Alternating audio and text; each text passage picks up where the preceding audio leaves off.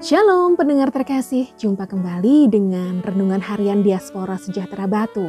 Renungan kita kali ini berjudul Transfigurasi Yesus. Bacaannya diambil dari 2 Petrus 1 ayat 16 sampai 18. Sebab kami tidak mengikuti dongeng-dongeng isapan jempol manusia ketika kami memberitahukan kepadamu kuasa dan kedatangan Tuhan kita, Yesus Kristus sebagai Raja. Tetapi kami adalah saksi mata dari kebesarannya kami menyaksikan bagaimana ia menerima kehormatan dan kemuliaan dari Allah Bapa ketika datang kepadanya suara dari Yang Maha Mulia yang mengatakan, Inilah anak yang kukasihi, kepadanyalah aku berkenan.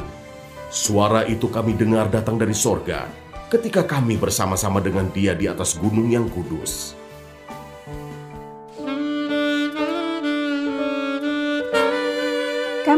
Menyaksikan bagaimana ia menerima kehormatan dan kemuliaan dari Allah Bapa ketika datang kepadanya suara dari Yang Maha Mulia yang mengatakan, Inilah anak yang kukasihi, kepadanyalah aku berkenan. 2 Petrus 1 ayat 17 Pendengar terkasih, ada sebuah cara yang digunakan oleh masyarakat Indonesia untuk menanamkan nilai-nilai kehidupan, yakni dengan cara menceritakan dongeng.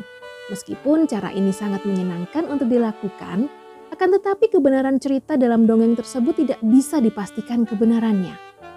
Dongeng ternyata juga sudah ada sejak lama, bahkan sejak zaman kehidupan orang-orang Yahudi kuno.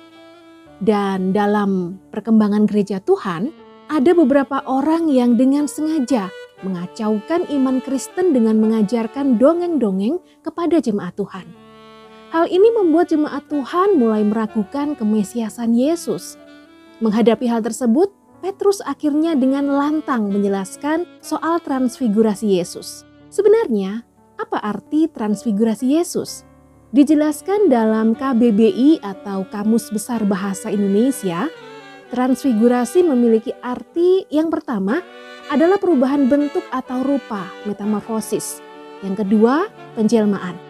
Dalam Alkitab, transfigurasi Yesus terjadi ketika dia dimuliakan di atas gunung bertemu Musa dan Elia. Kita bisa membacanya di Matius 17 ayat 1 sampai 13. Mukanya bercahaya penuh kemuliaan. Peristiwa tersebut bukanlah isapan jempol belaka karena ada beberapa murid Yesus yang menjadi saksi mata saat kejadian itu berlangsung.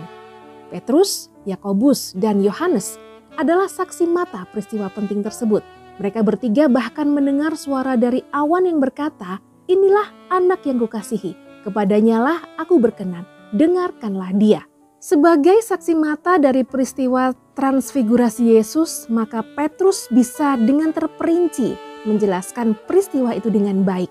Oleh karena itu, walaupun Petrus pernah menyangkal Yesus, dia tidak akan pernah bisa menghapus peristiwa ketika Yesus dimuliakan tersebut. Dan sebagai kepala para rasul, maka Petrus terus meyakinkan rekan-rekan kerjanya dan juga jemaat Tuhan agar tetap memiliki iman yang teguh walaupun banyak serangan terhadap iman Kristen dan bahwa beriman kepada Yesus akan menyelamatkan mereka dari kematian kekal.